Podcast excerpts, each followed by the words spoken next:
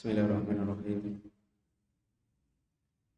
Assalamualaikum warahmatullahi wabarakatuh. Innalhamdulillah Wassalatu wassalamu ala rasulillah Wa ala alihi wa ashabihi wa mawalah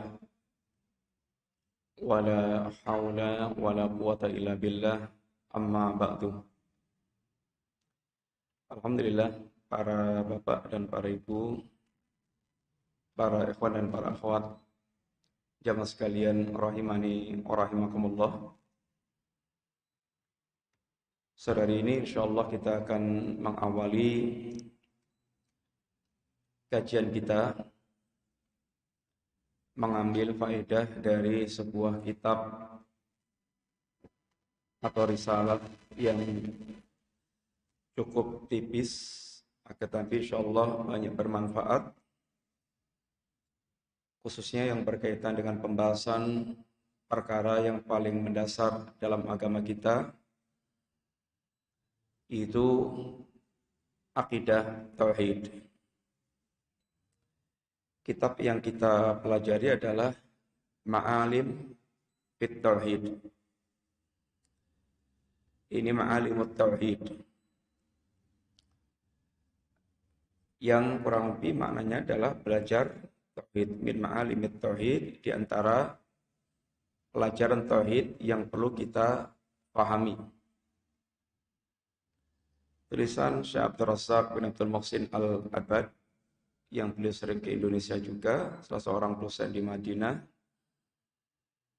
yang telah sangat akrab insya Allah dengan masyarakat ini Indonesia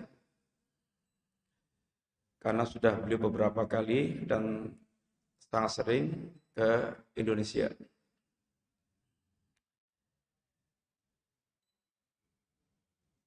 Uh, kitab ini beliau awali dengan Bismillahirrahmanirrahim.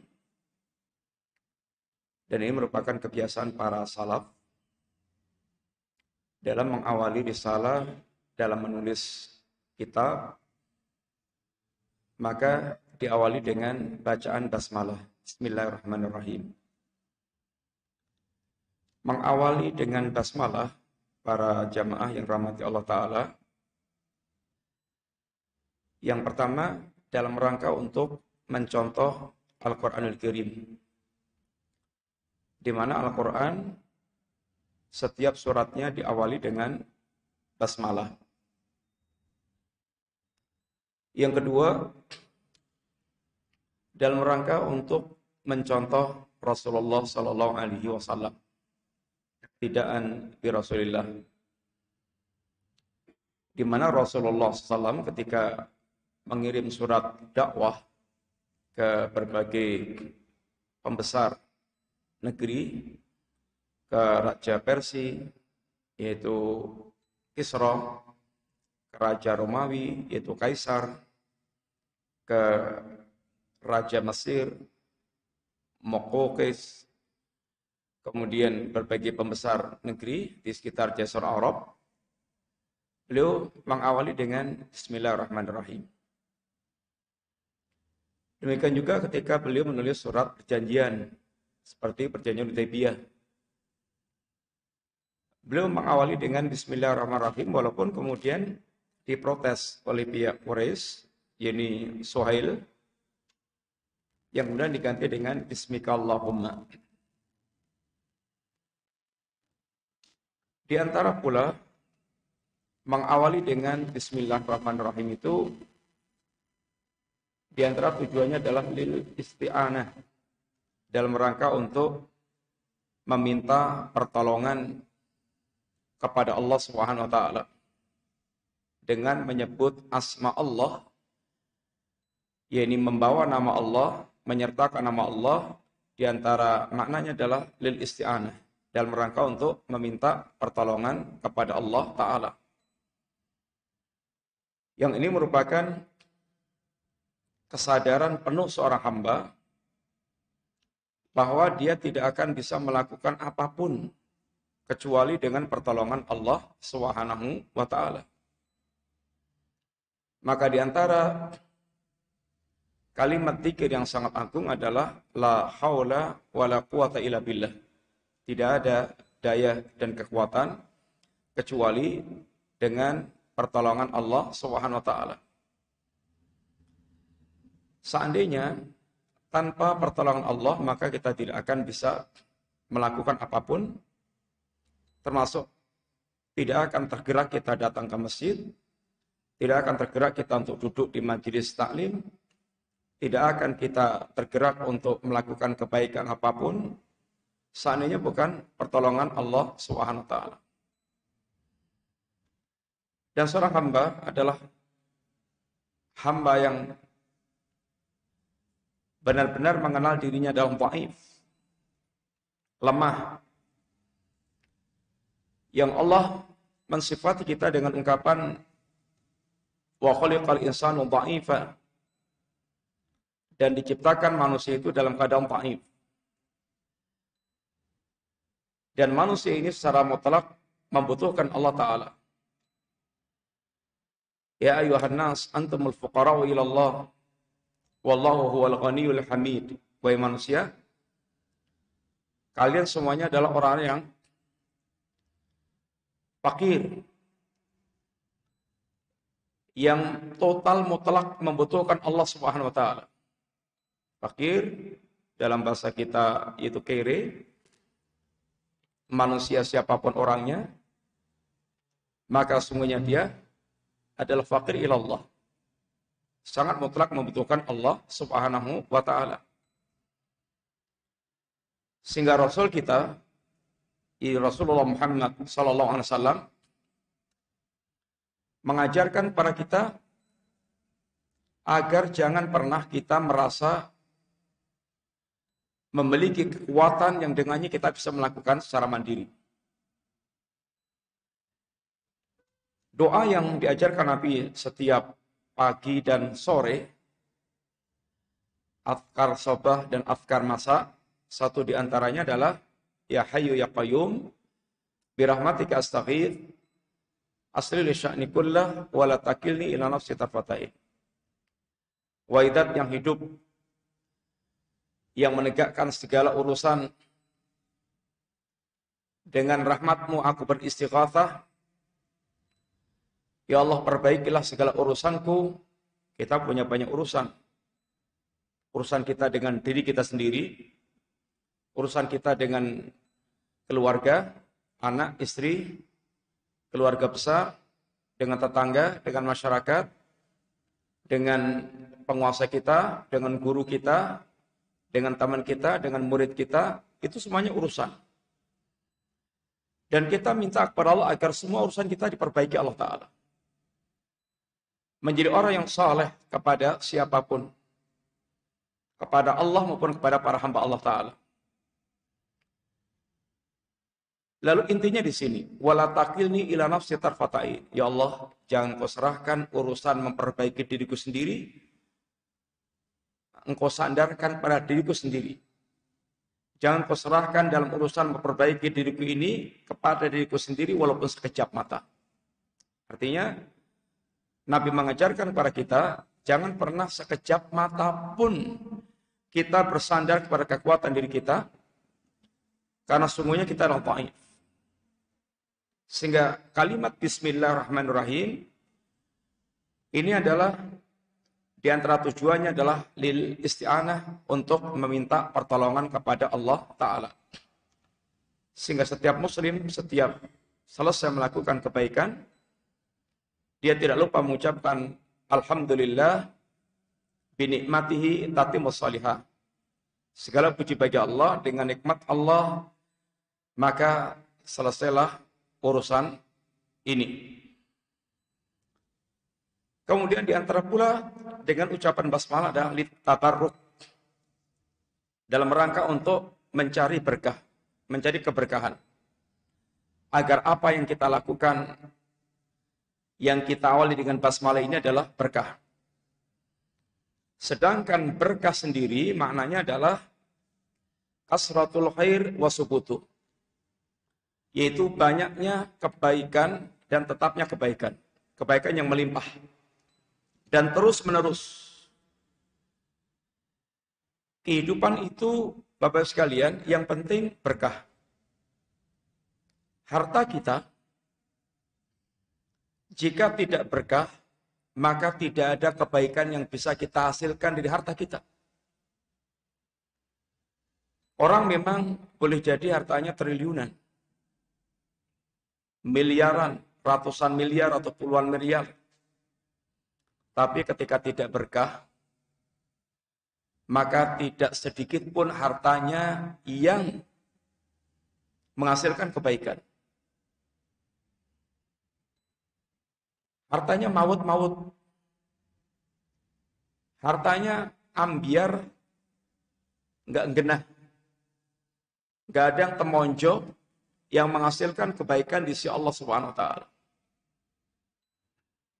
Kalau dia punya mobil, ya mobilnya hanya untuk pelesar-pelesir, bahkan mengantarkan ke tempat-tempat maksiat, hanya untuk sombong-sombongan, untuk gengsi-gengsian, kalau dia punya uang, uangnya kadang-kadang maut semuanya, ke jalan-jalan maksiat dan sia-sia,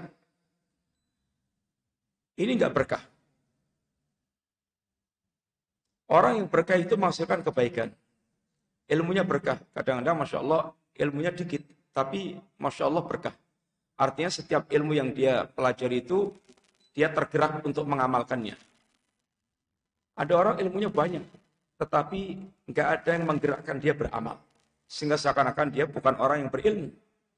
Ini menunjukkan ilmunya nggak berkah. Atau ilmunya banyak, tetapi malah penipu, suka mintari orang. Ini adalah sama sekali ilmunya tidak berkah. Maka hidup itu yang penting adalah keberkahan. Dengan ucapan basmalah, setiap apa yang kita lakukan, kita berharap betul-betul berkah.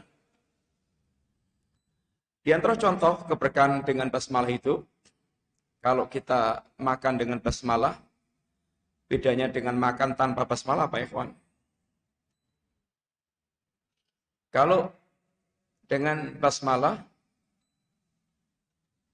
kalau kalau tanpa basmalah,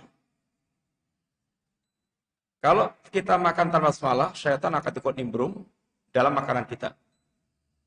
Dan boleh jadi makanan itu akan justru menggerakkan kita bermaksiat.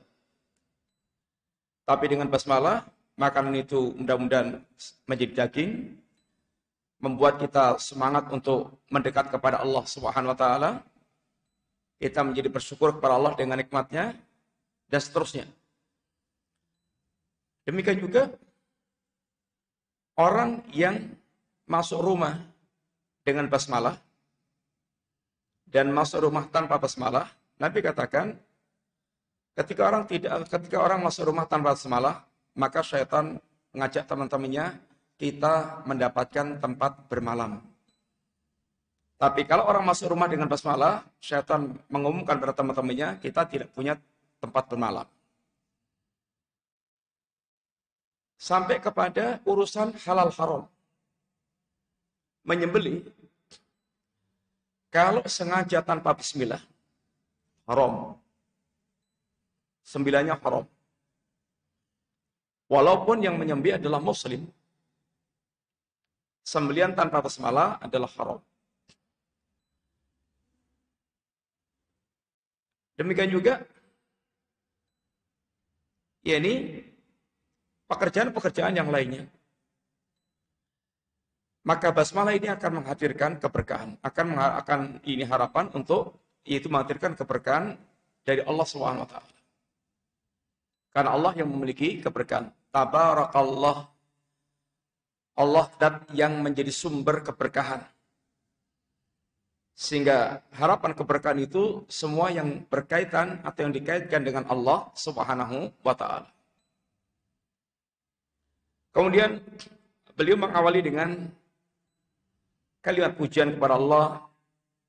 Alhamdulillahirabbil alamin wal aqibatu lil muttaqin wa asyhadu an la ilaha illallah wahdahu la syarikalah wa asyhadu anna Muhammadan abduhu wa rasuluh sallallahu wa sallam alaihi wa ala alihi wa ashabihi ajma'in. Amma ba'du. Segala puji bagi Allah Subhanahu wa taala Rob seluruh alam. Alhamdulillah. Kalimat al itu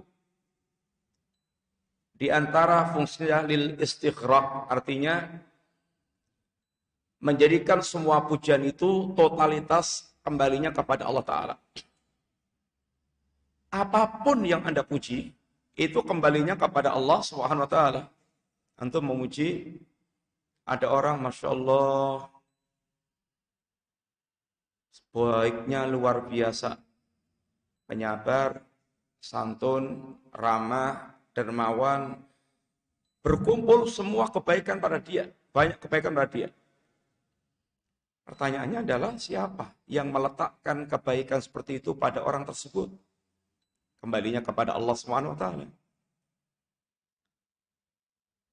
Kita dibuat terkagum-kagum dengan orang yang hafalannya luar biasa. Quran hafal, hadis hafal, uh, kutub sita hafal, sampai halaman-halamannya.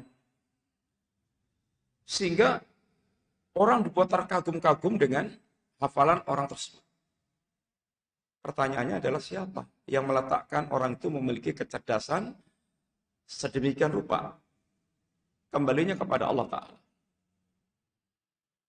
Kita melihat alam yang sangat indah, pantai yang sangat indah, laut yang sangat indah. Pertanyaannya siapa yang membuat keindahan itu, yang menciptakan keindahan di laut, di pantai, dan seterusnya itu? kembalinya kepada Allah. Sehingga alhamdulillah totalitas pujian itu kembalinya hanya kepada Allah Subhanahu wa taala. Maka semua yang kita dapatkan dari kebaikan yang pertama kita puji adalah Allah taala. Termasuk ketika kita mendapatkan kebaikan dari seseorang, kita tidak lupa bersyukur kepada orang itu, tapi yang pertama kali adalah kita memuji Allah Subhanahu wa taala. Alhamdulillah, melalui si fulan, Allah mengirimkan rezeki kepada saya. Ini adalah pujian kepada Allah Subhanahu wa taala. Allah Rabbil Alamin.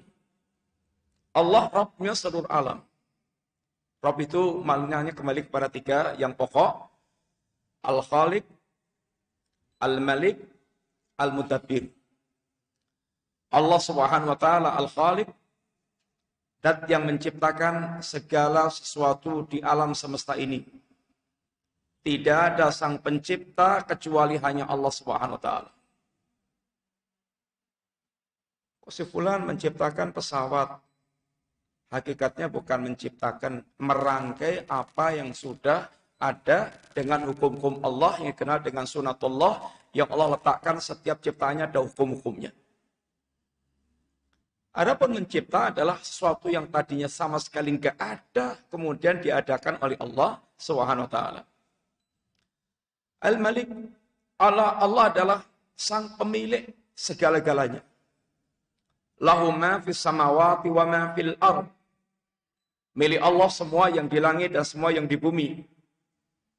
Sehingga tidak ada di alam semesta ini yang memiliki secara hakiki kecuali hanya Allah Subhanahu wa taala.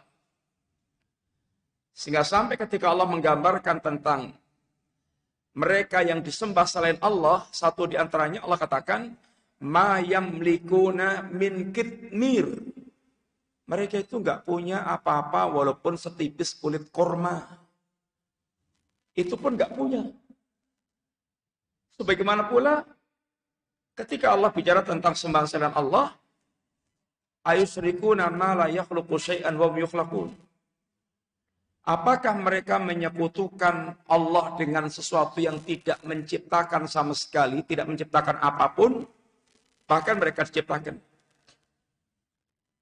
Sehingga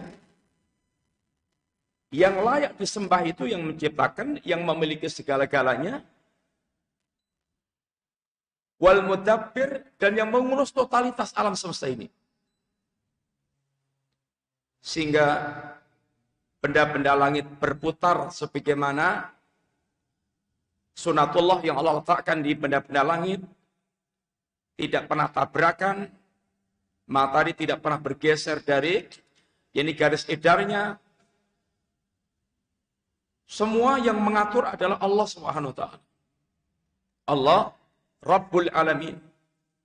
Wal aqibatu lil muttaqin. Dan akibat akhir yang baik itu hanya bagi orang yang bertakwa.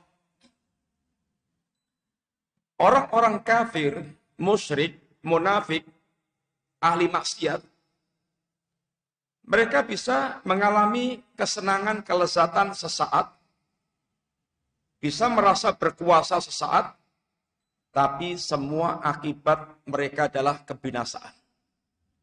Akibat akhir kekafiran, kemusyrikan, kemunafikan, kemaksiatan, menyelisih syariat Allah SWT adalah kebinasaan. Seandainya mereka merasakan kesenangan, kesenangan sesaat. Yang dikenal dengan istilah istidrod. Allah mengulur kesenangan bagi orang yang mereka mendurakai Allah SWT. Sanastadrijuhum min haitsu la ya'lamun akan kami istidrat mereka dari arah yang tidak mereka sangka-sangka. Sehingga jangan sampai orang merasa aman dari makar Allah sedangkan dia berbuat zalim.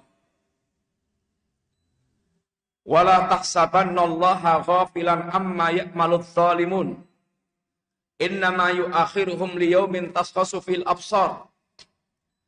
Jangan sampai Anda sangka Allah itu lupa dengan perbuatan orang-orang zalim.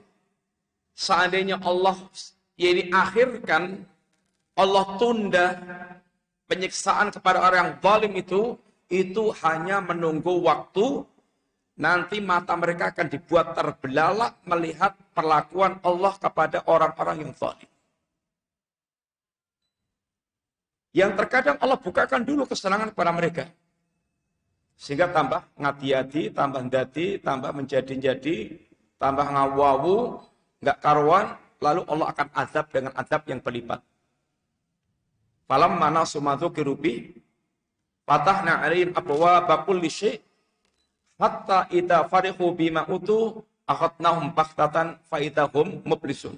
Kata Allah, ketika mereka melupakan peringatan Allah, melupakan agama Allah, cuek dengan nasihat agama, bahkan dia menghinakan ajaran agama. Yang Allah melakukan apa? Justru Allah bukakan pintu-pintu kesenangan buat mereka. Sehingga mereka semakin tenggelam dalam kekufuran, kesyirikan, kemunafikan, kemaksiatan, merasa di atas angin, merasa jaya, sampai ketika mereka di puncak-puncak menikmati kesenangan itu, Akhadnahum bahtatan kami azab serta merta kami azab dengan tiba-tiba sekonyong-konyong sehingga mereka pun putus asa dengan azab Allah Subhanahu wa taala. Akibat akhir hanya dimiliki oleh orang yang bertakwa. Wa ashhadu an la ilaha illallah wahdahu la syarikalah. Dan aku bersaksi bahwa tidak ada sembahan yang sesungguhnya kecuali Allah saja yang tidak ada sekutu bagi Allah. Penegasan tentang kalimat tauhid, penegasan tentang sikap mentauhidkan Allah dalam kehidupan ini bahwa kita adalah orang yang hanya menyembah Allah tanpa menyembah yang lainnya dan meyakini dengan seyakin-yakinnya bahwa sesembahan selain Allah adalah sesembahan yang batil. Allah tidak memiliki sekutu sama sekali Demikian pula penegasan wa asyhadu anna Muhammadan abduhu wa rasuluh. Saya bersaksi pula bahwa Muhammad itu hamba Allah dan Rasul Allah. Muhammad itu hamba Allah, bukan anak Allah, bukan Allah, bukan salah satu di antara oknum Tuhan, tapi Muhammad adalah hamba Allah Subhanahu wa taala. Tidak ada sifat-sifat ketuhanan pada diri Rasulullah sallallahu alaihi wasallam. Dan Rasulullah telah menutup semua pintu hulu. Nabi telah menutup semua pintu hulu terhadap dirinya, terhadap beliau. Sehingga supaya manusia benar-benar mereka tidak bersikap berlebih-lebihan kepada Nabi, tingginya kayak apa pun status Nabi adalah abdun, adalah hamba. Dan status ini, Bapak sekalian, Justru status kesempurnaan beliau di sisi Allah Subhanahu wa taala. Beliau adalah hamba yang paling sempurna penghambaannya. Hamba itu porosnya pada dua perkara, yaitu at-tadallul wal khudu. Hamba itu di hadapan yang disembah, dia betul merasa hina sehina-hinanya. Lalu diikuti dengan kepatuhan sepatuh-patuhnya.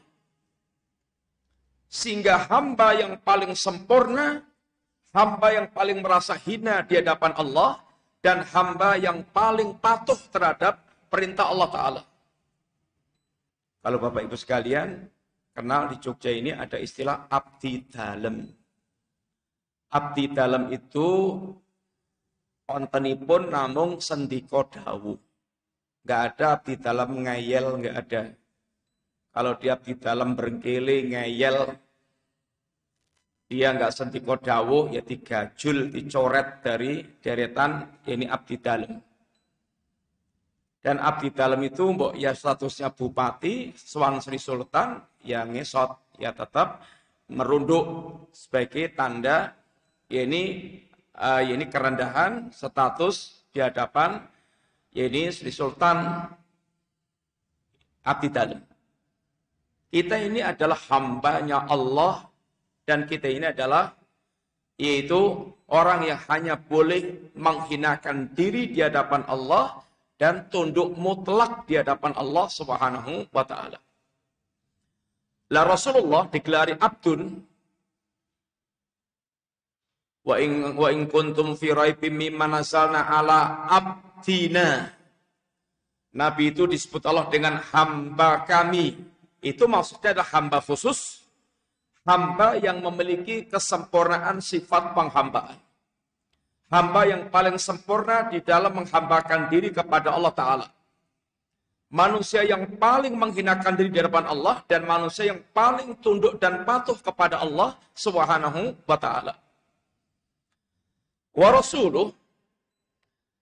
tetapi walaupun beliau adalah seorang hamba, beliau bukan hamba seperti kita. Beliau adalah hamba yang Allah berikan wahyu. Yang dengan wahyu ini ada keistimewaan yang menjadi hak beliau. Wajibnya kita membenarkan semua yang diberitakan oleh Rasulullah Sallallahu Alaihi Wasallam.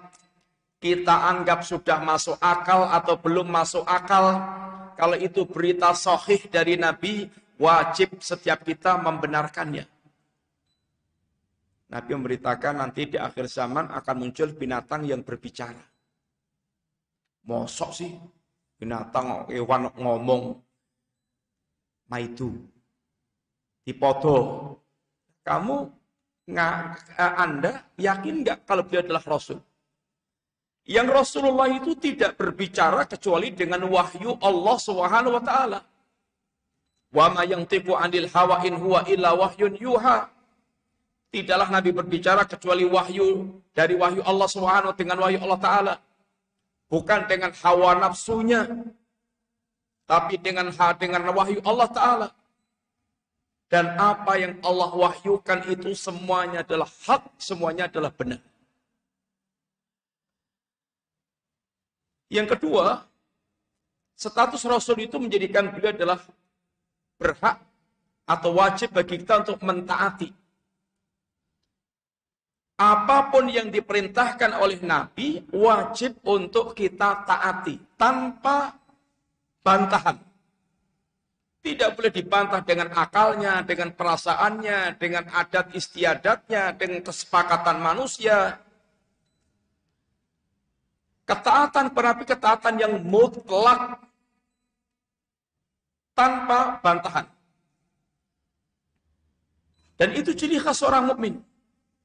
Inna makana qala al mu'minina idza du'u ila Allah wa rasulihi liyahkuma bainahum ay yaqulu sami'na wa ata'na. Sesungguhnya tidak ada ucapan seorang mukmin ketika disuruh oleh Allah dan Rasulnya kecuali sami'na wa ata'na. Kemudian beliau menegaskan amma ba'du fa inna tauhida huwa awwaluddin wa akhiruhu. Sesungguhnya tauhid itu adalah awal dan akhir dari agama ini. Agama ini diawali dengan tauhid dan diakhiri dengan tauhid. Kita masuk Islam wajib pertama kali apa ya kawan? Mengucapkan syahadat asyhadu alla ilaha illallah. Tanpa dua kalimat syahadat ini, tanpa syahadat ini, kita tidak akan pernah dianggap sebagai muslim. Orang baru dianggap sebagai muslim itu kalau dia sudah bersyahadat la ilaha illallah. Tiap hari ikut sholat ke masjid. Pamannya boleh tiap hari sholat ke sholat ke masjid. Ya wudhu. Wudhu, melu sholat, rukuk, sujud. Ning dia belum resmi menyatakan keislaman dengan syahadat. Sholatnya la yang fa. Dia dianggap belum masuk Islam. Walaupun tiap Ramadan ikut puasa. Tapi sebelum dia bersyahadat, dia belum dianggap masuk Islam. Muslim itu diawali dengan penegasan syahadat la ilaha illallah. Dan tauhid ini harus menjadi penutupan kehidupan kita secara ucapan maupun secara keadaan. Secara ucapan Nabi mengatakan mangkana akhiru kalamihi la ilaha illallah takhalal jannah. Barang siapa yang dia akhir kalimat hidupnya adalah la ilaha illallah, maka dia akan masuk surga. Demikian pula secara perihalnya, yaitu perihal keyakinannya, kehidupannya. Man mata wa huwa ya'lamu annahu la ilaha illallah dakhala jannah. Barang siapa yang dia mati dan dia tahu persis dengan keyakinannya, tidak ada sembahan kecuali Allah, tidak ada sembahan yang sebenarnya kecuali Allah, maka dia akan masuk surga. Tauhid ini adalah awal dan akhir agama seorang muslim. Awalnya syahadat, akhirnya murtad, layang fa. Layang fa. Sehingga harus berawal dengan syahadat dan berakhir dengan syahadat atau di atas tauhid pula. Sehingga tauhid ini harga mati yang tidak boleh hilang dari diri kita. Kalau agama kita ini ada yang rusak, selama yang rusak bukan tauhidnya, itu masih memungkinkan diampunkan oleh Allah Subhanahu wa taala. Dan masih dia memungkinkan untuk dimasukkan ke surga. Tapi kalau sudah yang rusak ini adalah bagian la ilaha illallahnya, maka sudah tidak ada harapan sedikit pun dia untuk mendapatkan surga. Wa batinuhu wa zahiruhu. Tauhid ini harus batinnya dan dohirnya. Kalau hanya dohirnya saja dia mengucapkan sadat la ilaha batinnya tidak, maka dia munafik. Dan munafik itu kata Allah, innal munafikina fitarkil asfal minan nar.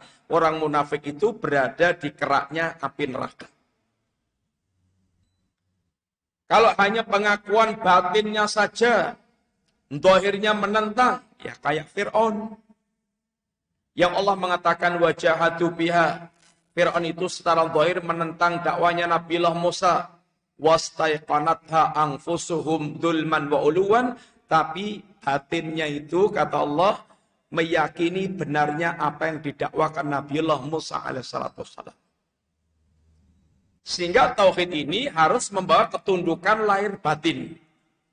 Zahiran wa batinan. Wa huwa awwalu da'wati rusuli wa akhiruhu wa akhiruha. Dan tauhid ini merupakan awal dakwah para rasul dan akhirnya dakwah Nabi itu awalnya tauhid sampai tutupannya juga tauhid. Nggak pernah meninggalkan dakwah tauhid. 13 tahun Rasulullah di Mekah itu hampir tidak ada ayat yang turun kecuali berkaitan dengan akidah dan tauhid. Dan menjelang wafatnya belum mengingatkan tentang urusan tauhid, yaitu laknat Allah kepada orang-orang Yahudi dan Nasrani yang menjadikan kuburan para nabi mereka sebagai masjid-masjid. Laknatullah alal Yahud wa Nasara ittakhadu kuburo anbiya'ihim masajidah. Sehingga tauhid ini adalah awal dakwah semua nabi dan rasul tanpa kecuali. Nanti akan kita ikuti akan ada pembahasannya sendiri. Wa wa makna qaul wa wa makna qauli la ilaha illallah. Itulah makna kalimat la mana ucapan kalimat la ilaha illallah li ajlihi khuliqat khaliqah yang dengan yang untuk mewujudkan tauhid ini diciptakannya seluruh para makhluk agar mereka menghamba kepada Allah di antaranya ayat wa ma khalaqtul jinna wal insa illa liya'budun.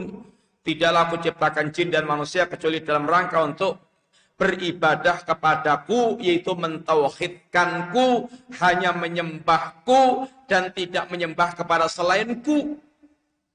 Wa ursilatir rusula wa ursil wa ursilatir rusulu. Dan diutusnya seluruh para rasul tidak ada satupun rasul yang diutus oleh Allah untuk dakwah ke tengah-tengah manusia kecuali awal dakwahnya itu adalah tauhid dan intisari dakwanya dari awal sampai akhir adalah dalam rangka untuk mentauhidkan Allah Ta'ala. Wa ungsilatil kutub. Dan untuk urusan tauhid ini maka diturunkannya kitab-kitab. Kitab-kitab yang diturunkan Allah dari awal sampai akhir hakikatnya menjelaskan tentang tauhid. Sekalian contohnya Quran. Quran itu para ulama menjelaskan tema utamanya tiga. Tauhid, ahkam syariat, kemudian kosos, kisah-kisah. Nabi dengan kaumnya, kisah-kisah. Ini yang berkaitan dengan perjalanan manusia. Ah, ahkam syariat, sholat, puasa, zakat, haji, dan semua hukum-hukum syariat agama ini, ini hanya terwujud hanya tertuntut karena kita menyembah Allah Subhanahu wa taala. Nek panjenengan boten bersyahadat la ilaha illallah niku boten perlu salat, boten perlu poso, boten perlu zakat, boten perlu haji, boten perlu sembarang kali berkaitan dengan hukum agama. Sebab toh kalau melakukannya nggak ada gunanya. Sehingga amalan akam syariat ini adalah haknya tauhid. Karena kita bertauhid maka kita wajib sholat, kita wajib berpuasa, kita wajib berzakat bagi yang mampu, kita wajib haji bagi yang mampu, kita wajib tunduk kepada Allah karena kita bertauhid. Sehingga ini merupakan haknya tauhid. Lalu kisah-kisah Nuh dengan kaumnya, Ibrahim dengan Namrudnya, Musa dengan Fir'aun dan korunnya, Rasulullah dengan Abu Jahal dan Abu Lahab dan yang lain-lainnya. Itu cerita tentang apa dan siapa? Cerita tentang orang-orang yang bertauhid dan menentang tauhid. Cerita orang-orang yang mereka Allah tolong karena mereka bertauhid dan Allah hancurkan karena mereka menentang dakwah tauhid. Sehingga kitab secara keseluruhan hakikatnya adalah menjelaskan berkaitan dengan tauhid dan hukukut tauhid, hak-haknya tauhid. Sehingga Quran semuanya atau kitab semuanya diturunkan dalam rangka untuk urusan tauhid ini. Wabi iftia wabi iftaraqan nas ila mu'minin wa kufar yang dengan tauhid inilah manusia kemudian terbedakan antara mukmin dan kafir. Kamu mukmin, kenapa? Baca syahadat la ilaha illallah kamu kafir, kenapa? Tidak mau membaca syahadat la ilaha illallah. Sehingga dikatakan mukmin dan kafir itu letaknya pada syahadat. Sehingga ini yang menentukan. Yang menjadi pembeda utama antara mukmin dan kafir itu adalah pada syahadatnya. Sehingga yang mukmin hanya menyembah Allah secara totalitas, yang kafir menolak untuk menyembah hanya kepada Allah semata. Dan dengan tauhid ini pula, maka manusia terbedakan suada ahli jannah wa asqiya ahli nar. Orang yang akan berbahagia yang dia menjadi ahli jannah atau orang yang celaka menjadi ahli nar. Orang yang mereka bersyahadat la ilaha illallah ujungnya adalah surga. Orang yang menolak la ilaha illallah ujungnya adalah neraka. Yang membedakan ahlul jannah dan ahlul nar ini penentunya adalah pada tauhid. Orang nggak sholat bisa masuk surga, orang nggak puasa bisa masuk surga, orang belum beramal apa-apa bisa masuk surga, karena dia punya syahadat. Nabi tengok anaknya seorang Yahudi. Kemudian Nabi tawarkan Islam kepada dia. Sang anak noleh kepada sang ayah minta izin. Isyarat minta izin untuk bisa mengikuti ajakan Rasulullah SAW. Lalu bapaknya memberikan isyarat agar mentaati Abul Qasim, arti Abul Qasim, ikutilah Abul Qasim, yaitu Rasulullah SAW. Lalu dia bersyahadat, setelah bersyahadat mati, Nabi katakan, Alhamdulillahilladzi anjahu minan. Segala puji bagi Allah yang telah menyelamatkan anak ini dari neraka. Belum beramal apa-apa. Tapi kalau dia sudah sholat, sudah puasa, sudah zakat, sudah haji tiap tahun, baca Quran khatam tiap bulan, sodakohnya per minggu satu miliar, tapi kemudian berakhir dengan murtad, dengan rusak sadatnya, maka dia ahlun nar. Sehingga yang menentukan ahlul jannah dan ahlun nar ini adalah pada syahadatnya la ilaha illallah. Wa wa awal wajibin alal mukallaf dan ini merupakan kewajiban pertama bagi orang yang terbebani syariat. Bertauhid adalah kewajiban pertama bagi orang mereka mukallaf, terbebani syariat. Wa haqiqatu dinil Islam alladzi la yaqbalullahu min ahadin dinan siwa. Dan tauhid inilah hakikat ajaran Islam yang Allah tidak akan menerima ajaran kecuali dinul Islam yang isi kandungan utamanya adalah tauhid ini. Fa'amruhu azimun lil ghayah. Perkara tauhid ini perkara yang sangat agung, tujuan yang sangat agung, wa kabirun jiddan, sangat ini besar perkaranya. Wa kullu wahidin minna muhtajun ilaihi tafkiratan wa tafsiratan. Setiap kita membutuhkan peringatan dan dan penjelasan sejelas-jelasnya tentang tauhid dan kata beliau, wa risalah dan risalah ini min ma'alimit tauhid. Insyaallah syai'un minal bayan sebagian dari penjelasan tentang ini perkara-perkara tauhid yang akan dibahas kira-kira ada enam pembahasan. Yang pertama isut tauhid wa fadailuh keistimewaan tauhid dan keutamaan-keutamaan tauhid. Yang kedua, haddut tauhid wa haqiqatuh, batasan tauhid dan hakikat tauhid. Yang ketiga, tahqiqut tauhid wa takmiluh, bagaimana mewujudkan tauhid yang sebenarnya dan menyempurna dan penyempurna kesempurnaannya. Yang keempat, nawaqitu tauhid wa nawaqisuh, pembatal tauhid dan yang akan mengurangi kesempurnaan tauhid. Yang kelima, masdarut tauhid wa mamba'uhu, yaitu sumber pengambilan tauhid yang keenam, samarut tauhid wafa itu buah-buah indah dari tauhid.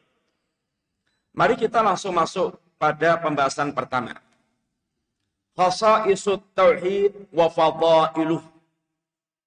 Keistimewaan tauhid dan keutamaan-keutamaan tauhid. Iklam, ketahuilah ini namanya kalimat tandi. Peringatan atau kalimat penggugah. Iklam ketahuilah. Dan ilmu itu, hakikat ilmu dikatakan para ulama, adalah um, idraku syai' ala mahwa alaih. Idraku syai' ala mahwa. Ilmu itu mengenal sesuatu sebagaimana hakikatnya. Mengenal sesuatu sebagaimana hakikatnya itu ilmu. Sehingga orang kalau sudah berilmu itu nggak bisa ditipu-tipu. Susah, paling tidak itu susah untuk nipu-nipu. Dan orang yang betul-betul berilmu itu tidak akan bingungan. Kalau kita sudah tahu jalan ke masjid wakaf ini, sudah tahu persis Mbok yo saka kidul, saka itan, saka lor, saka kulon, saka gang samping itu tidak akan pernah dibingungkan dengan gang-gang yang ada di sekitarnya. Karena udah tahu. Tapi kalau orang itu belum tahu, belum berilmu atau taunya lamat-lamat, itu sering sekali dibingungkan dengan apalagi yang gang-gang semisal Dulu kalau mau ke Baitul Abror itu gangnya meh podo apa? Keliru mlebu ini keliru, mlebu ini keliru. Kelira keliru karena memang belum tahu persis. Kalau sudah tahu persis, dia tahu ciri khas persisnya tidak akan keliru. Nah sekalian, di dalam agama kita ini banyak penyamaran-penyamaran. Kayak di dua nyata juga. Asal ini lanang, nyamar rong wedok, tapi kalau kita sudah tahu persis kowe lanang to, dudu wedok to, mbok yo bengesan, sayaan, rok-rokan, bihanan, ya tetap kowe lanang dudu wedok.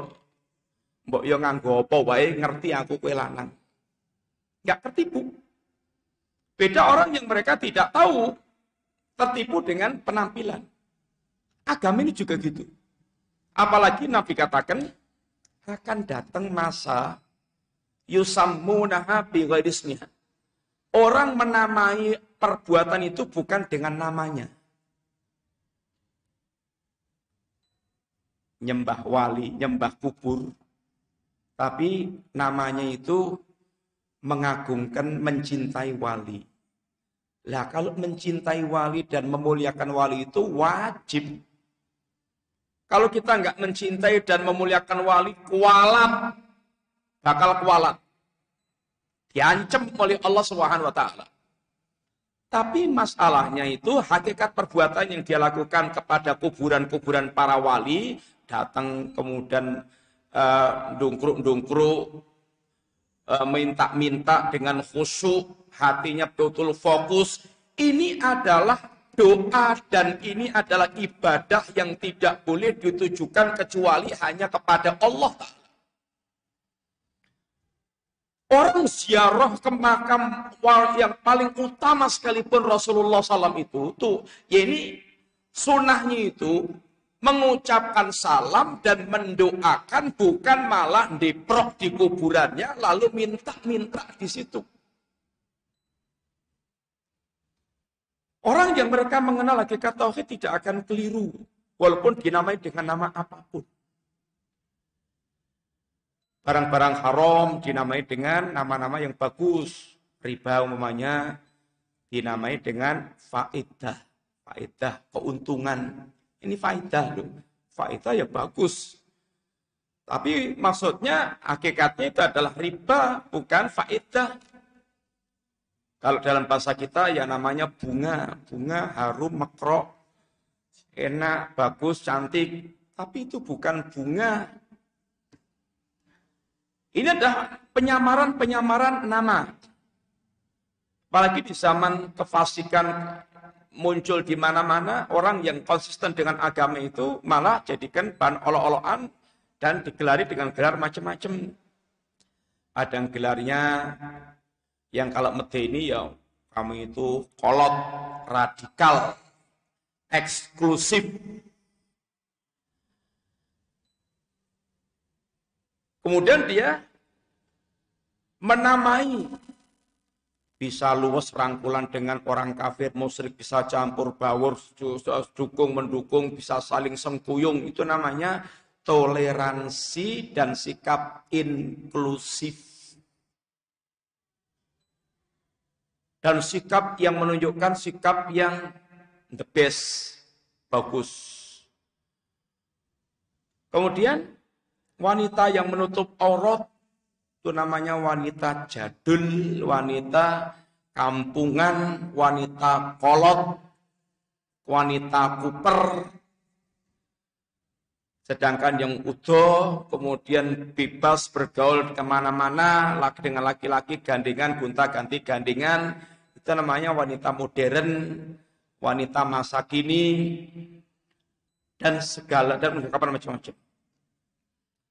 Kalau pemuda itu pemuda yang sukanya ke masjid, bawa Quran, berpakaian yang bagus, kemudian nggak mau yang haram-haram, namanya pemuda kampungan, pemuda wong pemuda kaya wong tuwek kesarak mati.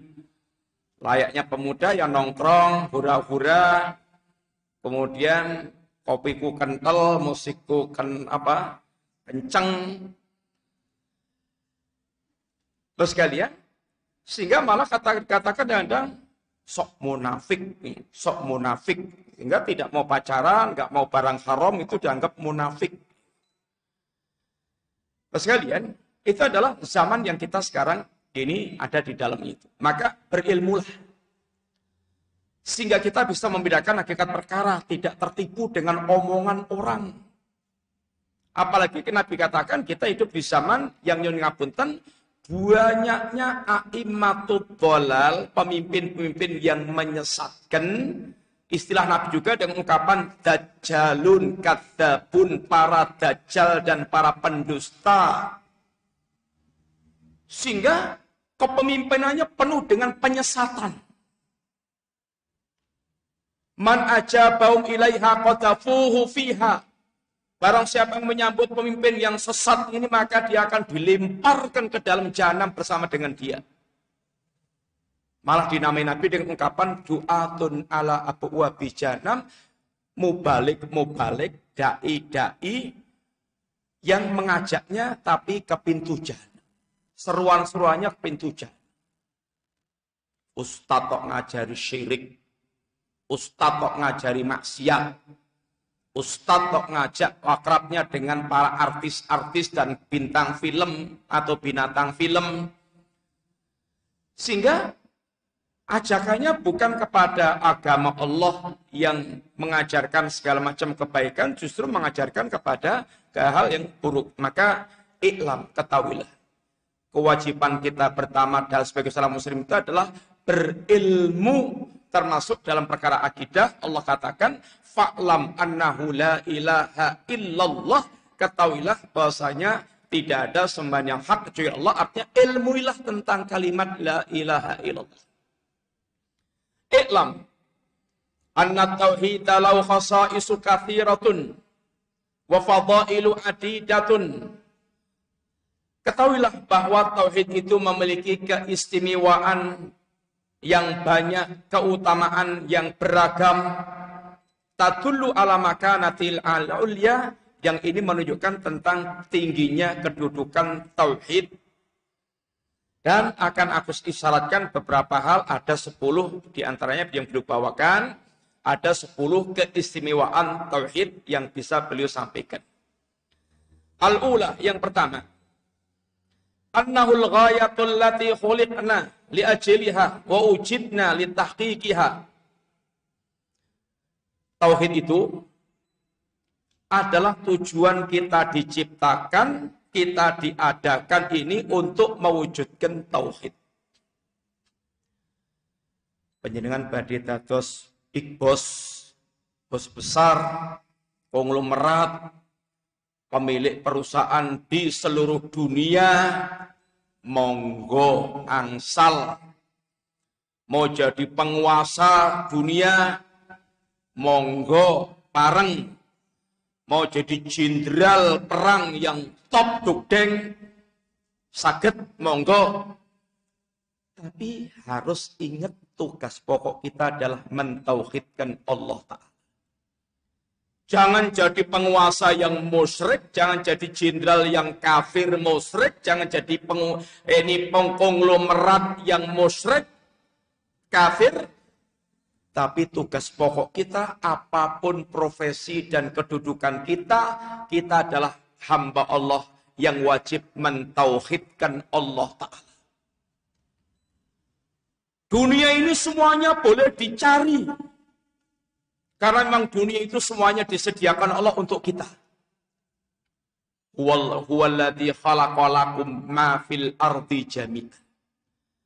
Allah yang menjadikan semua yang ada di muka bumi, daratnya, lautnya, udaranya, langitnya, semuanya untuk kita. Untuk manusia, untuk kalian wahai manusia. Untuk apa Allah sediakan semuanya untuk kita ini? Untuk kita jadikan sarana beribadah kepada Allah Subhanahu wa taala. Sehingga penguasa ya penguasa tapi jadikan itu sarana untuk menyembah Allah. Jangan sampai malah ketika jadi penguasa malah merubah-rubah hukum Allah dan menentang-nentang hukum Allah.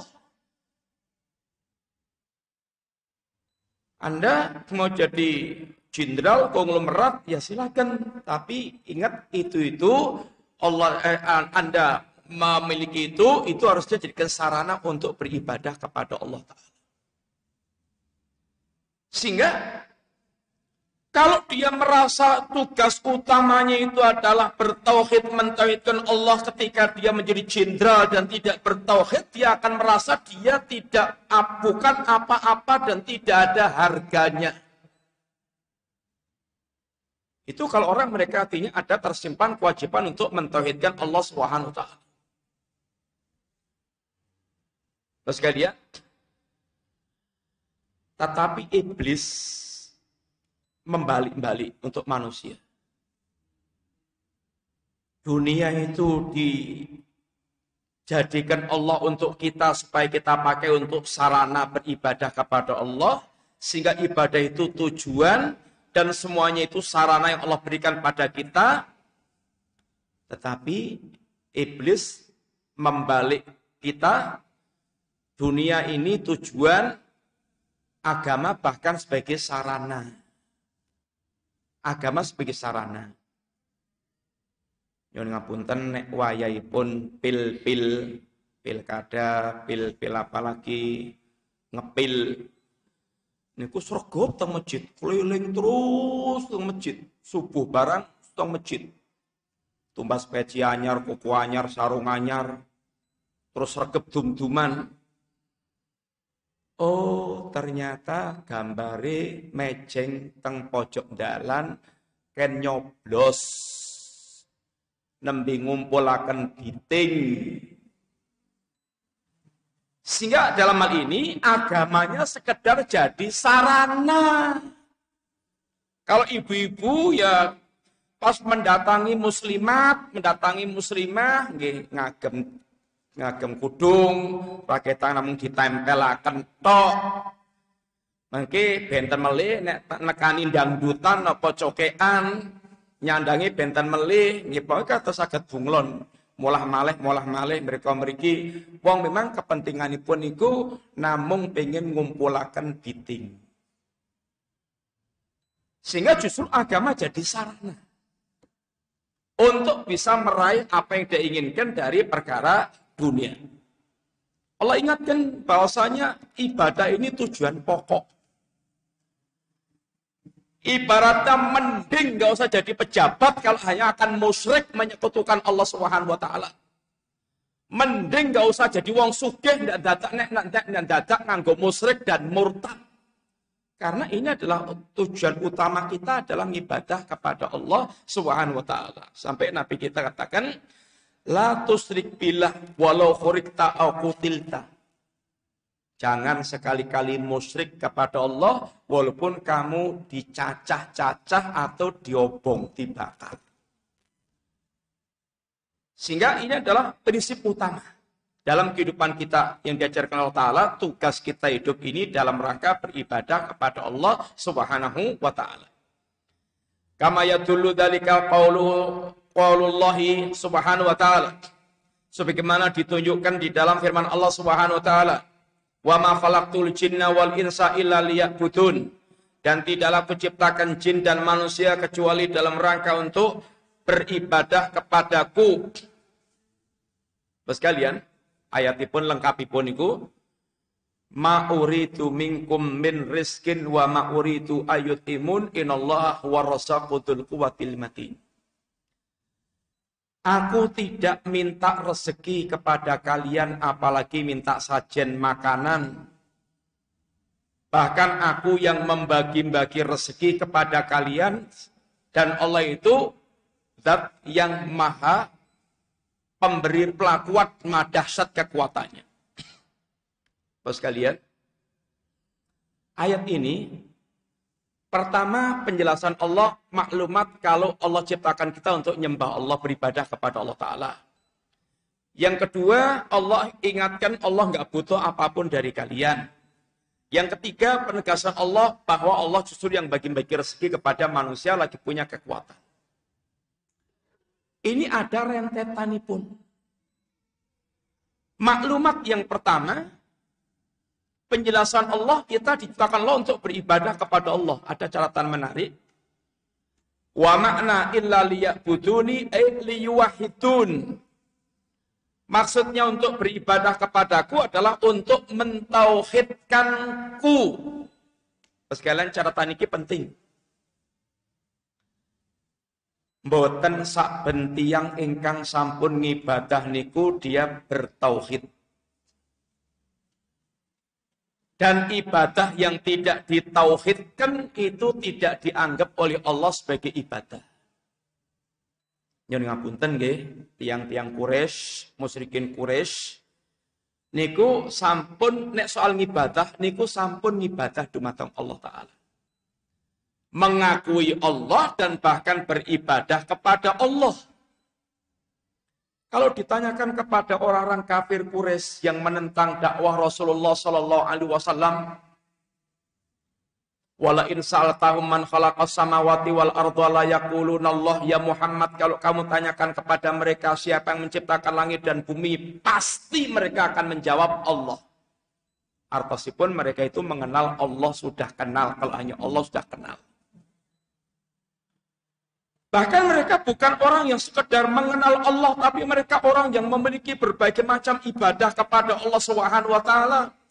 Mereka haji, mereka tawaf, tawafnya itu bertalbiyah kayak talbiyah muslimin. Uh, ya ini tal hajinya itu bertalbiyah dengan sebagaimana talbiyah muslimin. Labbaika la syarikalak. Ada tambahan yang fatal illa syarikan huwalak tamliku huwa mamalak.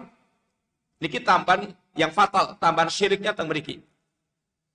Bahkan ketika mereka tawaf dalam rangka menghargai Ka'bah Baitullah, tempat yang suci dan mereka merasa nggak tidak mendapatkan pakaian halal, mereka mending tawafnya itu dengan udom bledeng, dengan telanjang bulat, dalam rangka supaya tidak ada satu helai benang haram pun yang nempel di tubuhnya karena menghargai Mak Ka'bah Baitullah tempat yang suci. Mereka tahu kok bulan-bulan haram tahu. Kalau mereka ketemu bulan haram, dan mereka ketemu orang yang diincar mau dibunuh, oh nggak jadi. Menghormati bulan haram. Nanti kalau udah keluar dari bulan haram. Terus kalian, ini adalah sikap orang-orang Quraisy.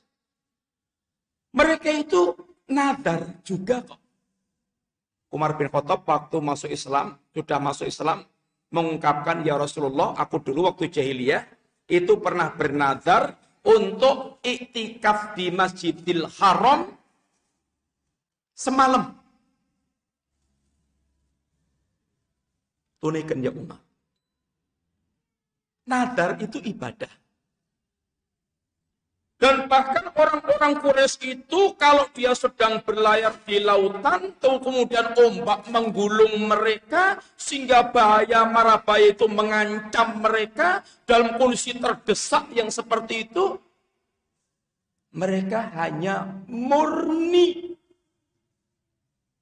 memurnikan doanya itu hanya kepada Allah dan lupa kepada Lata, Manat, dan semisalnya itu. Sehingga mereka orang yang sudah beribadah kepada Allah kalau kita kalau kita mau bilang tentang ibadah.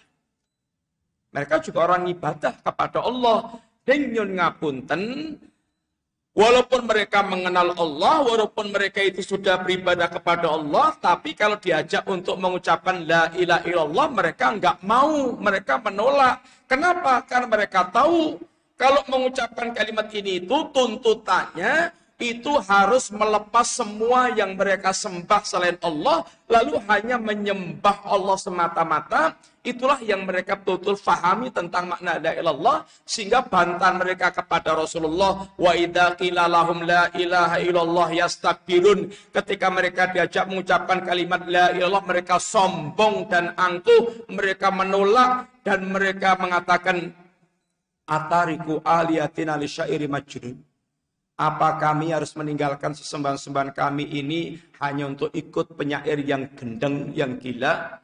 Itu Rasulullah Muhammad SAW. Aja alal aliyata ilahan wahidan inna hadalasun ucap. Apakah kami harus menjadikan sesembahan kami yang banyak hanya menjadi satu sembahan? Ini perkara yang sangat mengherankan. Maka ini maksudkan dengan perintah Allah ini bahwa kita beribadah kepada Allah kita diciptakan untuk beribadah kepada Allah, ibadah yang dimaksudkan adalah mentauhidkan Allah. Kemudian, semua sekalian, Allah boleh jadi akan muncul terbersit. Ngapa toh yo? Kok dadak Allah ngekon kita ngibadah kepada Allah Opo pancene Allah butuh? Apa memang Allah butuh kita? Kok dadak ngangkon ngibadah? Sekalian, makanya Allah tegaskan pada ayat kedua tadi, Allah tidak butuh rezeki kepada kalian dan Allah tidak butuh makanan sajen-sajen makanan Allah nggak butuh. Sehingga untuk menepis bahwa ibadah, perintah Allah agar kita beribadah kepada Allah itu bukan karena Allah butuh kepada kita, bahkan Allah terangkan dalam dalam hadis diskusi, seandainya manusia dan jin dari awal sampai akhir mereka di puncak-puncak ketakwaan ketakwaannya kayak Rasulullah SAW atau kayak Jibril, Allah tidak bertambah sedikit pun kerajaannya. Demikian pula seandainya manusia dan jin dari awal sampai akhir mereka di puncak kekafiran semuanya kayak iblis atau kayak Fir'aun, maka tidak akan berkurang sedikit pun kerajaan Allah Subhanahu wa taala. Alias Allah nggak butuh apa pun dari manusia. Ya ibadi law anna awalakum wa akhirakum wa insakum wa jinakum ala atta qalbi rajulin wahidin minkum ma zata mulki syai'a. Ya ibadi law anna awalakum wa akhirakum wa insakum wa jinakum ala afjari qalbi rajulin wahidin minkum ma naqasa bidzalika mulki syai'a. Allah enggak butuh dengan ketakwaan dan ini tidak terpengaruh pula dengan kefajiran kalian. Kemudian Allah Subhanahu wa taala kaitkan dengan rezeki. Inallah wa rasaqudul quwatil matin. Oleh itu yang bagi-bagi rezeki lagi punya kekuatan dahsyat. Yon ngapunten Bapak sekalian. Dahlik katahipun dahlik katahipun tiang yang meninggalkan kewajiban ibadah alasanipun rezeki. Nih jadi wong Islam tenanan yo sendep no rezekiku. Akal seret. Waya dodolan laris-laris antri kaya sepur terus adan. Ndak tak tak tutup. Ya hilang no jatah rezekiku. Wis mapan-mapan kerja di lembaga ini banyak sebulan 500 yuto ning lembaga haram. Aku tadi orang Islam tadi kere no terusan.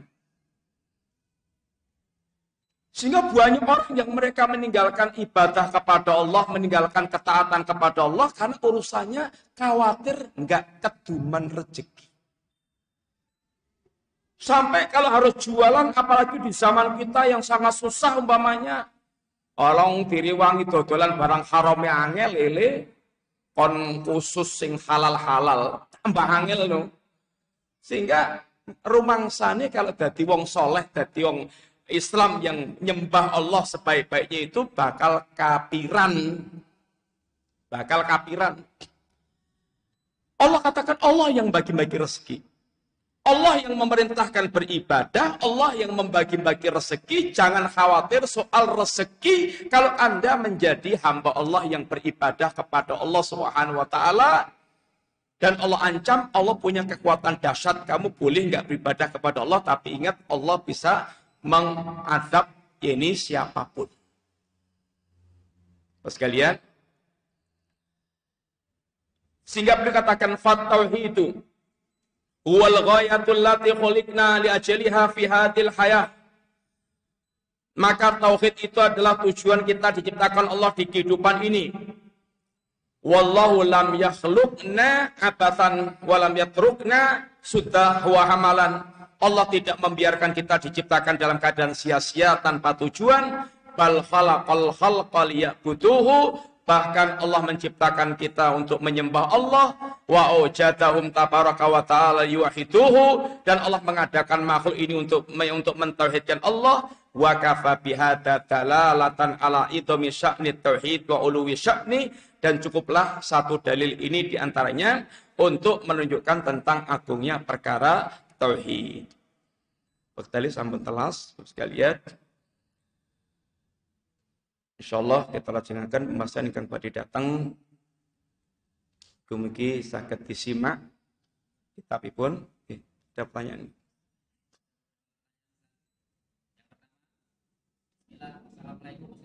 Waalaikumsalam.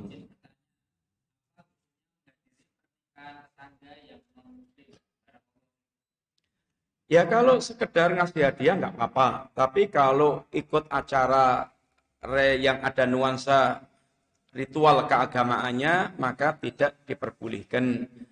Tapi kalau sekedar ngasih hadiah atau ngasih apa untuk uh, mereka tidak masalah. Tapi kalau ada kemaksiatan, ada kemungkaran, ada muharamat, ada kesyirikan, maka kita tidak diperbolehkan menghadiri acara-acara ada syiriknya atau ada kufurnya atau ada maksiatnya tapi ngasih hadiah tidak mengapa.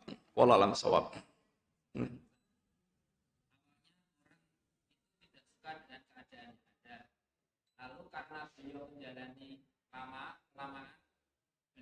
bisa terima dengan keadaan yang ada. Pertanyaannya, apakah orang Maksudnya keadaan yang ada itu apa? Maksudnya itu tadinya keadaan yang ada itu kafir atau taat atau maksiat atau syirik atau tauhid atau apa? Atau kepeksa sabar gitu atau gimana? Dia melarat, tadinya memberontak, kok aku melarat itu. Terus akhirnya lama-lama ya nerimo melarat. Atau maksudnya begitu atau bagaimana? Ya umpamanya kepeksa dia bersabar yang mudah-mudahan kesabarannya berubah dari sabar kepeksa kemudian menjadi sabar yang karena Allah taala. Karena ada sabar ikhtiari, mana itu tadi sabar ikhtiarnya tabar itu namanya sabar iftirori, sabar kepeksa, ada sabar ikhtiari, sabar pilihan dirayu perempuan untuk berzina. Zina atau enggak itu pilihan kita. Nah, ini diuji.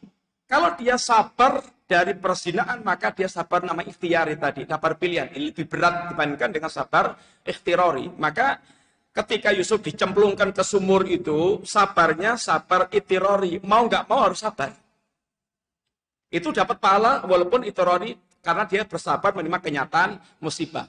Tapi sabar ikhtiari ketika digoda Zulaikha, bayangkan di kamar tertutup, semua nggak ada yang lihat, semuanya dikunci, yang ada laki-laki perempuan, perempuannya masih muda, cantik belia, masa kemudian Yusuf itu laki-laki normal, nom, sahwatnya laki-laki rata-rata ya tinggi, masih apalagi masih muda.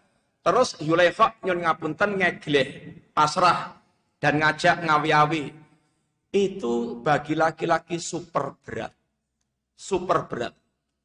Sampai kemudian Yusuf selamat dari godaan Yulaifa. Ini sahabatnya Yusuf ini lebih berat.